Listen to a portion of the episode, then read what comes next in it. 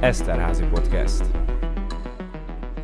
Köszöntöm szeretettel a kedves hallgatókat, ez itt az Eszterházi Podcast, Zentai László vagyok, és a mai vendégünket szeretettel köszöntöm dr. Patkós Csaba intézet igazgató egyetemi docens, a Földrajzi és Környezettudományi Intézet, méghozzá azon belül is a Társadalom, Földrajzi és Területfejlesztési Tanszék vezetőjét. 2013 óta vezeti ezt az intézetet. Nagyon színes az a pályafutás, amikor egy kicsit elkezdtem utána nézni, hogy honnan, hová is jutott el, és milyen témákkal foglalkozott, miket eh, ad fel akár a Liceum televízió, akár az internet eh, egyéb forrásokból a mai napig. Ezekről mind beszélgetni fogunk, hiszen érdekes és ráadásul Egert is érintő, meg hát az egyetemet érintő topikokról van szó. De hogy indul egy ilyen színes pályafutás? Hogy érkezünk meg oda, hogy valaki földrajzzal, intézetigazgatással és sok egyéb eh, szakmai kérdéssel foglalkozik? A földrajz volt volt legelőször. Az intézet igazgatás az csak később történt, mint feladat, később merült fel. Azt gondolom, hogy általános iskolába kell visszamenni. Volt egy nagyon jó tanárom, hogyha lehet itt citálnám a nevét is. Szerencsés Jánosnak hívták. Igazgató is volt és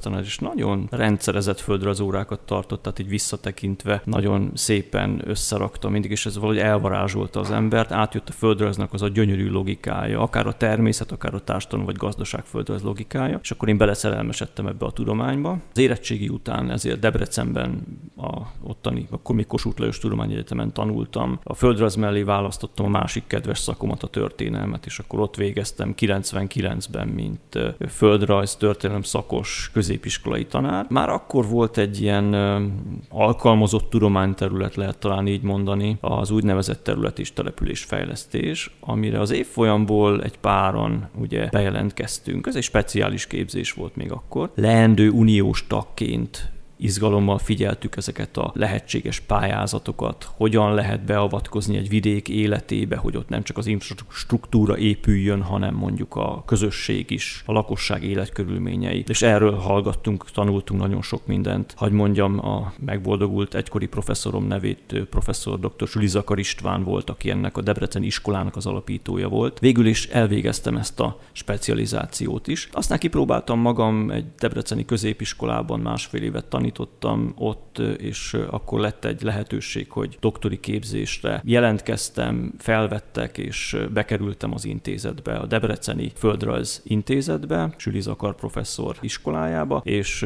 2004-ig ugye ott megírtam a doktori disszertációmat a magyarországi régiók intézményesüléséről. A sikeres védés után az akkori EGRI földrajz tanszékvezető Pozder Péter tanár úr szólt, hogy itt lenne lehetőség Egerben egy adjunktusi pozícióra, és akkor örömmel jöttem, Egert mindig szerettem egyébként. Ezt nem mondtam az elején, alföldi gyerek vagyok, tehát Szolnoktól délre Tiszaföldváron születtem, úgyhogy kicsit messzire kerültem a otthontól, de azt gondolom, hogy szépen berendezkedtünk. Feleségemmel, élünk itt Egerben, két gyerek, és azt gondolom, hogy sikerült integrálódni ebbe a hegyvidéki környezetbe is. Igen, és hát az Alföld után tényleg egy egészen más történet. Ez eleve földrajzos aggyal egy gyönyörű dolog lehetett. Tényleg nyilván otthonra is lehet lelni Egerben, erről is beszélünk majd. Még egy picit a gyerekkorra azért visszamennék, hogy mindez a pályafutás, amit most felsorolt és dióhéjban összefoglalt, gondolta volna gyermekként, hogy ez lesz, vagy mondjuk melyik elemét tervezte is akár? Furcsa, mert visszaemlékezve volt egy gimnáziumi osztályfőnöki óra még, azt hiszem, hogy első osztály, gimi első osztályban, és akkor a, az volt a feladat, hogy írjuk le, hogy mi lesz 20 év múlva. Uh-huh. És akkor én leírtam, hogy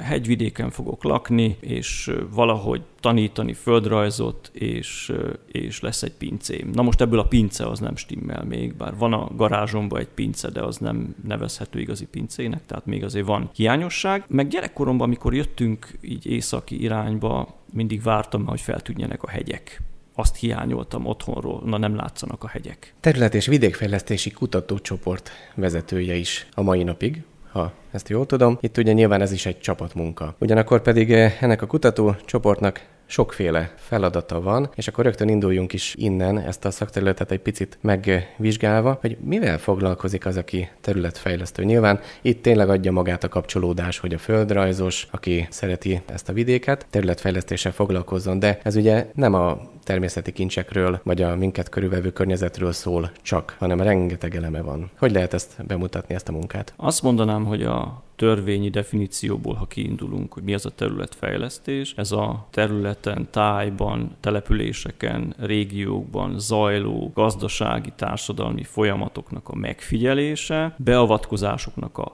megtervezése, megvalósítása és utánkövetése. Na most a komplex, kutató... Komplex csomag. Nagyon komplex. A kutató ott jön be, hogy megfigyelés. Adatokat gyűjtünk, statisztikai adatokat például, vagy kérdőíves, interjús beszélgetéses adatgyűjtés is szokott történni. Utána ezt feldolgozzuk, grafikonok készülnek, gyönyörű tematikus térképek készülnek itt Egerben is a műhelyben, és utána ezeket mondjuk a fő felelősnek, általában a településeken zajlik ez a folyamat, a fő felelős az önkormányzat, és az önkormányzat elé tárjuk. Készül egy dokumentum, és az önkormányzat ezt elolvassa, véleményezi, javaslatokat tesz, utána szélesebb körű társadalmasítás következik, lakosság elé is oda tárjuk, tárják az önkormányzat illetékesei, és akkor bekérkeznek a vélemények, eldöntjük, hogy ez beépíthető-e, vagy sem, és utána általában egy testületi vagy közgyűlési döntés, ami ezt a programot elfogadtatja és utána indul a megvalósítás, amiben mi azért nem veszünk annyira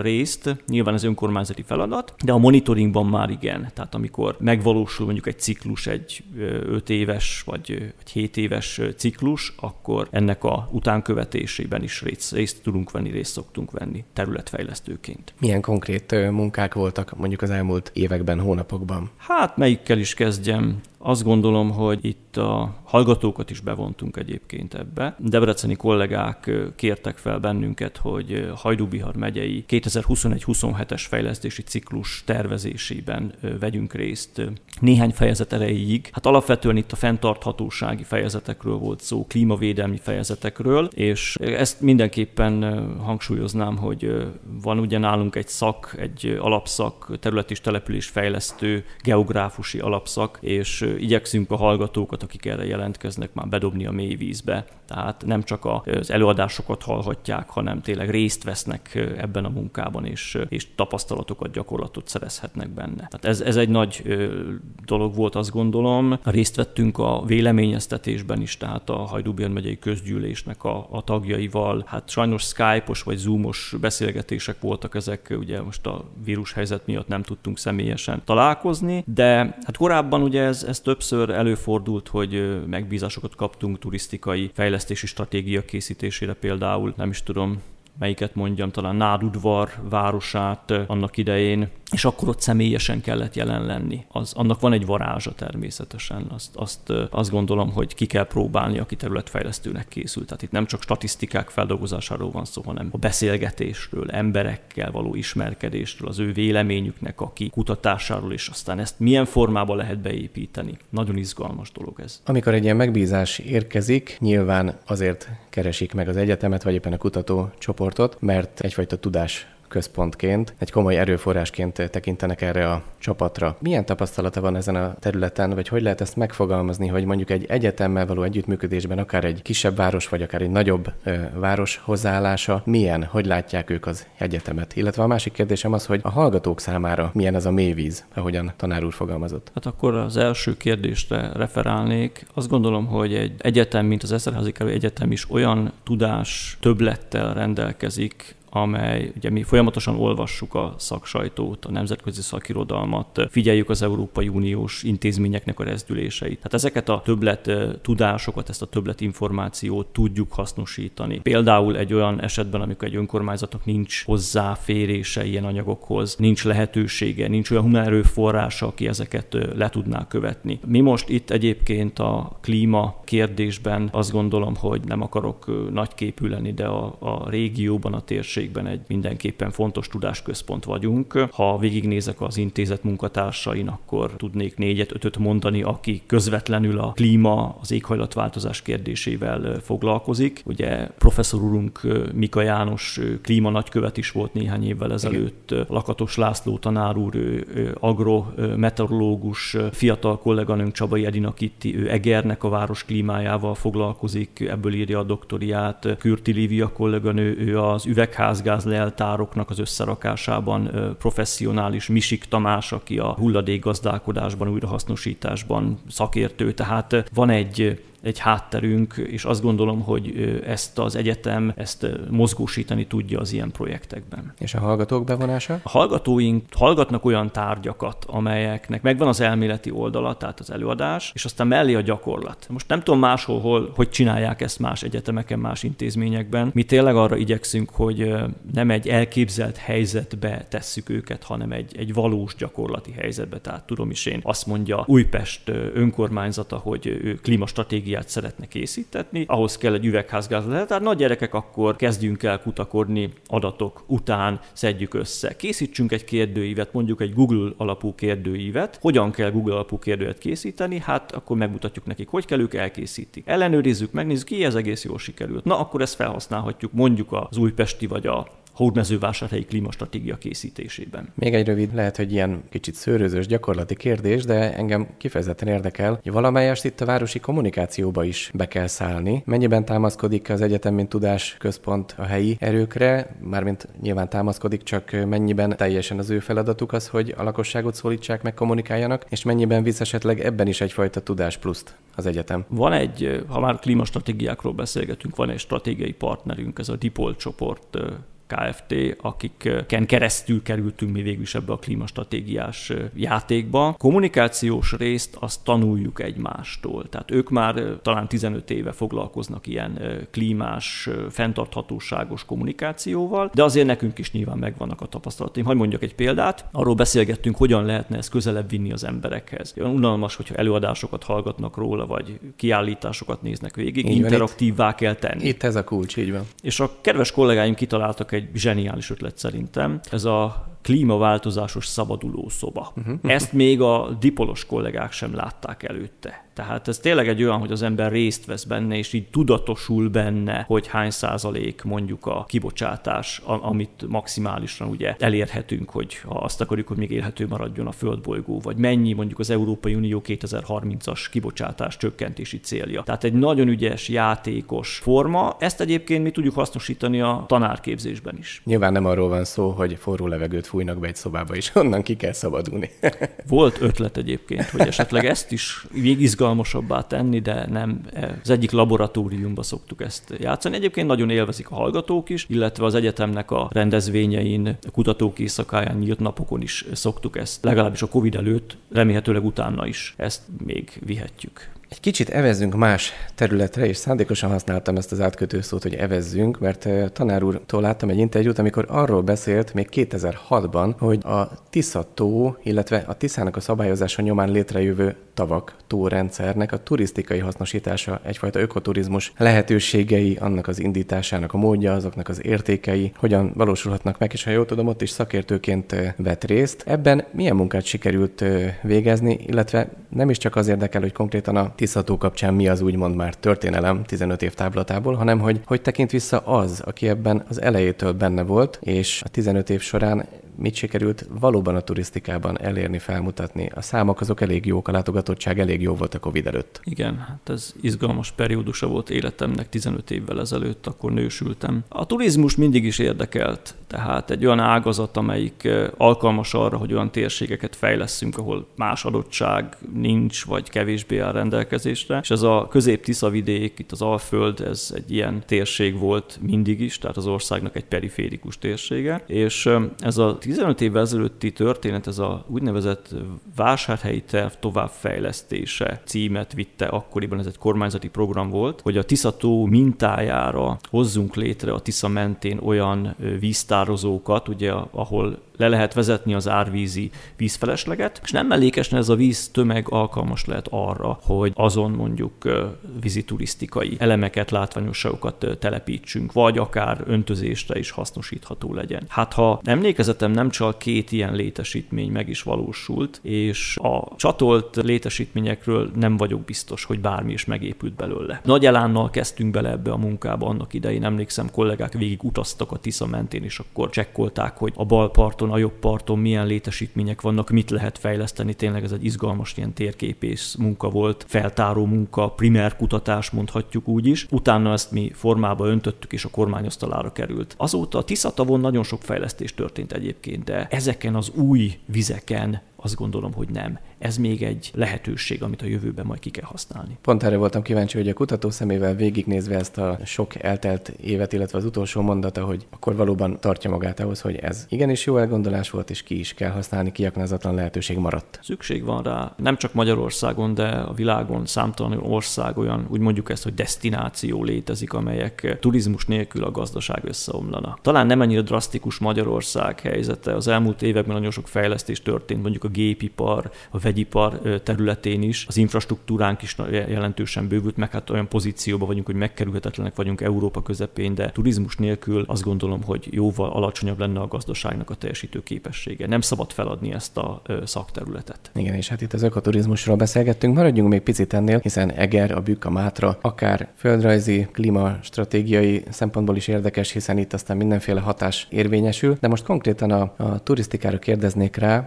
hol van az a határ a kutató és szakember szerint, ahol még nem lépünk rá, úgymond a természet lábára, nem kezdjük el tönkretenni, ugyanakkor pedig kiaknázzuk mindazt a lehetőséget, ami benne van. Mire kell itt leginkább figyelni? A turizmusban ez egyértelműen a, a vendéglétszámot jelenti. Ez nem csak magyarországi, hanem a globális turizmus ágazatban is egy jelentős probléma. Ez a, hát csúnya angol szót mondok, ez a crowding hatás, az eltömegesedés. Ciprus szoktuk tanítani a hallgatóknak, mint egy ilyen negatív, vagy valamelyik másik mediterrán vagy destináció. Velence városa például? Például akár Velencét is lehetne, de Ciprus volt a legelső, azt hiszem még a 70-es években, ahol, ahol nagyon nagyon közkedvelt lett, nagyon sok ember érkezett, tömegessé vált a turizmus, és ez egy idő után önmaga ellen tud fordulni tehát túl tömegesedés elrontja a destinációnak a hangulatát, olyan környezeti károkat okoz, amit észlel a turista is nyilván, és a következő évben már majd nem oda fog menni. De ha Balatonra gondolunk, ugye itt a 90-es évek elején hasonló játszódott le Magyarországon is. Na ezt kell elkerülni. Ehhez pedig tervezni kell, tudatosan tervezni kell. Nyilván lehet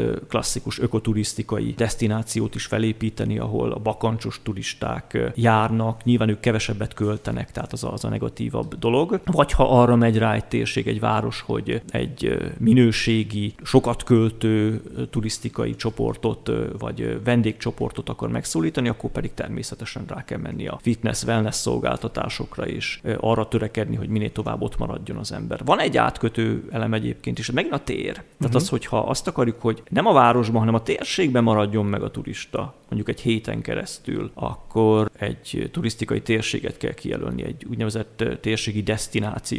És akkor itt megint a közösségfejlesztésbe megyünk bele egyébként. Tehát nem elég azt mondani, hogy akkor Eger önmagában itt tud tartani egy hétig egy embert, egy családot, egy csoportot, hanem nézzük meg, hogy mi van Eger környékén, és próbáljuk becsatornázni, hogy akkor kimennek Noszvajra, kimennek Novajba, Ostoroson, csinálunk valamit, Andornak táján csinálunk, vagy Makláron csinálunk valamit, tehát hogy, hogy térségben gondolkodjunk. És ez megint a földrajz, azt gondolom. Tehát itt megint helye van egy földrajzos gondolkodónak. Minden mindennel összefügg valóban, és dr. Patkós Csaba egy személyben egyesíti ezeket a szakterületeket. Legalábbis nagyon sok területen mozog, és ez a mai napig így van, hogy mind turisztikával, mind területfejlesztéssel, mind a klímával, hiszen Ön mondta, hogy minden mindennel összefügg. Hát a, az elmúlt hetemet megnézem, akkor bíráltam dél-afrikai kollégának a szakcikkét, amit a turizmus és a Covid kapcsolatáról írt. Most egy gödöllői kollégának a doktorián dolgozom, ami az észak-magyarországi régiónak a turisztikai helyzetével foglalkozik. Közben több klímastratégián is dolgozunk a kollégákkal, nem tudom, nevesíthetem-e őket. Gyula, Békés Csaba klímastratégiája most van kidolgozás alatt. Hódmezővásárhely is volt talán? Hódmezővásárhelyen már lezárult a, uh-huh. a folyamat, ott, ott ezt már elfogadta a közgyűlés, illetve most Egerrel is kapcsolatban vagyunk, egy fenntartható energia és klíma akciótervet kíván készíteni Eger megyei jóváros önkormányzata, és ott is szakértőként közreműködünk a kollégákkal. Ezt nagy örömmel hallja az ember, pláne egyetemi polgárként, és ugye hangsúlyozni kell, hogy a akkor ugyanezekben a kutatásokban, munkákban részt vesznek a hallgatók is bizonyos részterületeken. Így van erre igyekszünk mindig odafigyelni. Szeretném megkérdezni azt, hogy Eger városa hol tart a klímavédelemben, klímastratégia megvalósítása területén, ha már most éppen egy újabb munkáról esett szó, hiszen évekkel ezelőtt erről hallhattunk is híreket, hogy készült klímastratégia. Mi az, ami a szakember szemével megvalósult, ami elindult jó irányba, és most esetleg milyen iránytörést kell tenni, vagy milyen folyamatokat kell felgyorsítani? Igen, volt ez a 2012-es akkori, úgy mondtuk ezt, hogy SEAP fenntartható energia akcióprogram, amelyet Eger elkészített, és most ez egy új műfaj, amivel próbálkozunk, ez a SECAP, ebben is kell az energiáról is beszélni, de emellett nagyon nagy hangsúlyt kell fordítani a klíma védelemre is. Tehát ha a SEAP-ot elolvassuk, akkor abban nagyon sok vállalás, nagyon sok iránymutatás van. Például a közvilágítás. Például a középületeknek a energetikai átalakítása, korszerűsítése, megújuló energiás berendezéseknek a hasznosítása. Azt gondolom, ha szétnézünk a városban, akkor az elmúlt években nagyon sok lépés történt ebbe az irányba. Ez igazából az összes magyarországi településre, önkormányzatra igaz, hogy lassanként azért a középületekkel már végzünk. Tehát kicseréljük az ablakokat, leszigeteljük, uram, bocsán, még napelemek is kerülnek rá. Ami a nagy hiányosság Magyarországon az a lakossági penetrációja, hogy csúnya szót mondjak ezeknek az új innovációknak. Ugye egy ilyen klímastratégiában mindig vállalásokat tesz a település, hogy 2030-ra hány százalékkal akarja csökkenteni a széndiokszid kibocsátását. Ha az összes önkormányzati flotta összes tagját lecserélik Teslákra, akkor sem tudják elérni az önkormányzatok, anélkül, hogy a lakosság ne kezdjen bele ezekbe. Tehát az általunk készített klímastratégiáknak is általában ez a fő mondani valója, hogy megnézzük a, az épületállományt. Vannak lakótelepi, vannak családi házas épületek. Ha ehhez nem kezdünk hozzá azonnal, akkor 2030-ig nem sikerül elérni ezeket a kibocsátási célkitűzéseket. Tehát ez a legfontosabb. Azt gondolom Egerben is, hogy minél szélesebb kör számára lehetővé tegyük a pályázásokat, a visszatérítendő kedvezményes hiteleket, amelyekkel ugye fel lehet újítani ezeket az ingatlanokat. A másik dolog, amiben talán látványosabb fejlődést is lehet elérni, az a, az a zöld mobilitás. Ugye az egyetemen is most már van nekünk elektromos gépjárművünk, ez a két szép Volkswagen, egy élmény mhm. vezetni állítólag, én még nem vezettem, de egy, egy településnek erre is törekednie kell tényleg, főleg a közösségi közlekedés. Nagyobb városokra gondolok, hogy, hogy átalakítsa. Nagyon jó példa volt Hurmezővásárhelyen ez a Hurmezővásárhely Szeged tramtrain ugye villamos vontatású, igaz csak részben, tehát egy bizonyos dízel is van benne, de már hatalmas előrelépés az előző évekhez képest. Valami hasonló Egerben sem volna ördögtől való, azt gondolom, tehát buszokat kiváltani. Nagyon régóta, tehát több ciklus óta tudom, hogy ez, ez a polgármesterek fejében mozog ez az elképzelés, hogy ezt a északi irányú vasutat, ezt valamilyen szinten felhasználni, hogy a, a Tescoig vagy az Obi áruházig menő forgalom egy részét egy ilyen, ilyenre kötött pályás útra tereljék, tehát ez is egy nagyon jó lehetőség volna, azt gondolom. Néhány évvel ezelőtt ugye szóba került itt a földhő hasznosítása Egerben. Ebbe az irányba is kellene lépni mindenképpen, tehát vannak olyan jó példák, akár Miskolcra, ha gondolunk, hogy óriási mennyiségű széndiokszidot lehet neki bocsátani. Ugye az adottságaink megvannak hozzá. Hát ehhez jó munkát, bölcsességet kívánunk a döntéshozóknak, és itt csatlakoznék arra, hogy, hogy az önkormányzati világban is, ha nem is azt mondom, hogy otthonosan, de mindenképpen egyfajta kényelmes és a közös munkát segítő hozzáállással és jártassággal kell már forgolódnia, hiszen tulajdonképpen gyakorlati tanácsokat, vagy úgy is mondhatnám előírásokat, szakmai előírásokat fogalmaznak meg, amit aztán ugye a döntéshozóknak meg kell szavazniuk, az beépül, és valóban a lakossággal közösen kellene ezt megtenni. Beszélgettünk itt a műsor előtt, hogy tudna erre nyilván jó és rossz példát is mondani, most nevesítés nélkül egy-egy ilyen kis dióhéba rejtett történetet hadd halljunk. Igen, ha a klímastratégiák kapcsán gondolkodom, akkor hát bizony van olyan önkormányzat, aki azt mondja, hogy jó, akkor legyen ez meg, elfogadjuk, és bekerül az asztalfiókba. Aztán majd, ha kell valami pályázathoz, elővesszük és idézünk belőle két sort. Kipipáltuk. Így van, tehát egy feladat, ami megvan és ki, kipipálva, és, és innentől nem kell vele törődni. A klímastratégia egy olyan műfaj, amivel törődni kell. Különben nem kezd el működni. Hagyosszam meg egy jó tapasztalatomat, és akkor ezt most nevesítve mondanám, mert eh, ugye ismerjük az országos politikai helyzetet, eh, ismerjük Hódmezővásárhely várost, egy nagyon megosztott eh, közélet, a közgyűlés is, elég erőteljes politikai harcok vannak. Ezt az ottani civilek is mondták egyébként, hogy, hogy erre fel kell készülni. És, és a jó ügyek sokszor áldozatává válnak ennek, igen. Nincs ettől féltem a klímastratégia kapcsán, és azt mondom, hogy rettentő konstruktív volt mindkét politikai oldal. Tehát aktívan hozzájárultak, kérdeztek, mi válaszoltunk, beépítettük, és aztán a végén a közgyűlés száz százalékkal elfogadta. Tehát a klíma egy olyan terület, amiből nem létezik baloldal, jobboldal, kormánypárt, ellenzék, egy olyan terület, ami össze összefoghatja az embereket, az egész társadalmat, az egész országot. Ezért öröm ezzel foglalkozni. És ilyenkor ez az embereken, a lakosok hozzáállásán is, a fórumokon, azokon való aktivitásban mind érződik? Igen, hogyha jól meg vannak szervezve ezek a fórumok, akkor azon akár 50-60 ember is részt szokott venni, ami egy nagy szám, azt gondolom. Illetve felhasználjuk a digitális lehetőségeket is az elérésre, tehát Facebook csoporton keresztül, Google kérdőíven keresztül több száz embert el lehet érni. És ez egy olyan szakterület, amihez tényleg mindenkinek van mondani valója. Az egyik budapesti kerületben például ilyen kérdőívvel fordultuk az emberekhez, hogy minél inkább konkrétan mondják meg, hogy szerintük az közvetlen lakókörnyezetükben mire lenne szükség, mit látnának szívesen, mondjuk zöld felületfejlesztés, és jöttek a javaslatok, hogy melyik utca, hány szám alatt, hogyan lehetne esetleg spórolni egy kis foszilis energiával, vagy egy szemetes kihelyezésével, hogy lehetne komfortosabbá, élhetővé tenni azt a környezetet. És ez mindig annak a függvénye, hogy mennyire tudjuk megszólítani a lakosságot. Ebben tényleg a civileknek óriási szerepe van. Ebben a budapesti kerületben, amit a, most említek, itt a nagyon jó példa volt, hogy nagyon sok civil szervezet jött és segített nekünk az adatok gyűjtésében. Végül sepregessünk a saját házunk táján. Egri vagy Egerben élő, vagy az Egri mindennapok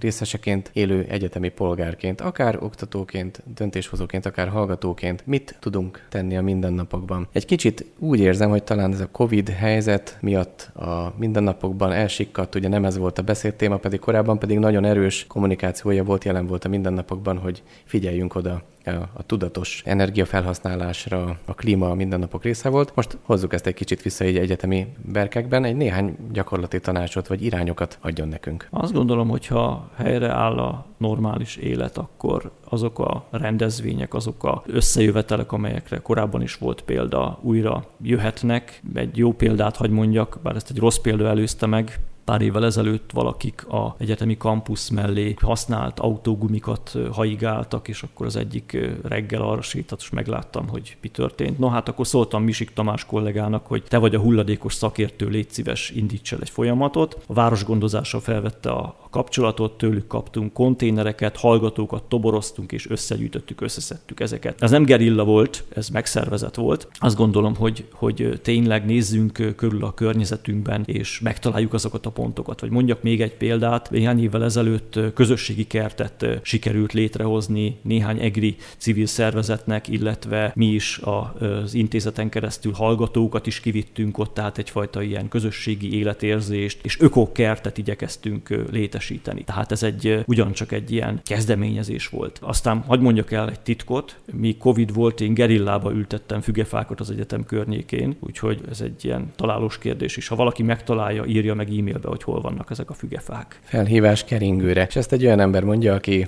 a kollégáival együtt lehet azt mondani, hogy száz évre lát előre. Tudatosan fogalmazom meg így, de ez egy különleges történet. Igen, egy érdekes, a statisztika sok mindenre lehetőséget biztosít, és Lakatos László kollégám, ő ugye agrometeorológus, és ezekhez a klímastratégiákhoz leszokott futtatni úgynevezett klímaforgatókönyveket. A meglévő illetve 50 évre visszamenőleg meglévő adatokból egy olyan Excel rendszer lefuttatásával előállíthatók azok a jövőbeli várható értékek, mennyi lesz a maximális hőmérséklet, mennyi lesz a minimum, az átlag hőmérséklet, a csapadék, várhatóan egy-egy földrajzi lokációra, egy-egy településre ez szépen kiszámítható, és valamennyi klímastratégiába ezt megtettük eddig, és most majd Egernek a szekapjába is meg fogjuk tenni. Nem túl rózsás a helyzet egyébként, hogyha előre tekintünk mondjuk 2100-ig, akkor az látható, hogy mindenképpen növekszik a hőmérséklet. Az átlag hőmérséklet is, ez nem annyira, de a, a, azok az extremitások, például a trópusi éjszakák, forró napok száma az mindenképpen